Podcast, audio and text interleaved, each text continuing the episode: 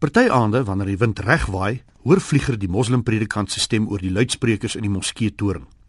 Maar die stem kom en gaan soos Leon Foriesen op Swazi Music op aande wanneer donderstorms aanderkant Delmas ligstoornis veroorsaak en sy woorde so onwerklik en spookerig laat klink. Die liedjie oor die radio is verby. Leon Fourie sê dit is deur Lou Reed gesing. Vlieger wens dat Liz by hom was sodat hy haar kon beïndruk deur haar te vertel dat Lou Reed deel van the Velvet Underground was. Maar dan onthou hy wat Liz vroeër oor die telefoon gesê het. In die donkerte van sy slaapkamer klink die woorde baie meer skrikwekkend as toe.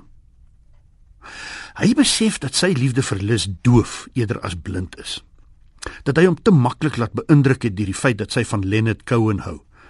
Dat daar dele van haar was wat selfs 3 weke nadat hy haar die eerste maal gesoen het, nog steeds vir hom duister was.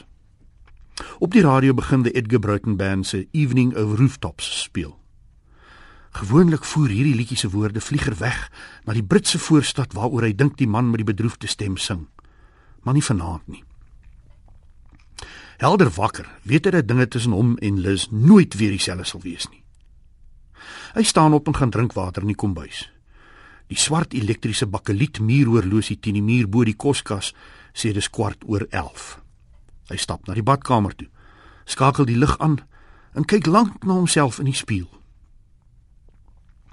In die helder lig van die badkamer verdwyn die vrees wat hy in die slaapkamer gevoel het, stuk stuk. Hy besef dat hy ooreageer het. Nie eens die feit dat Liz die musiek van Neil Diamond bo die musiek van Led Zeppelin verkies, sal hom minder van haar laat hou.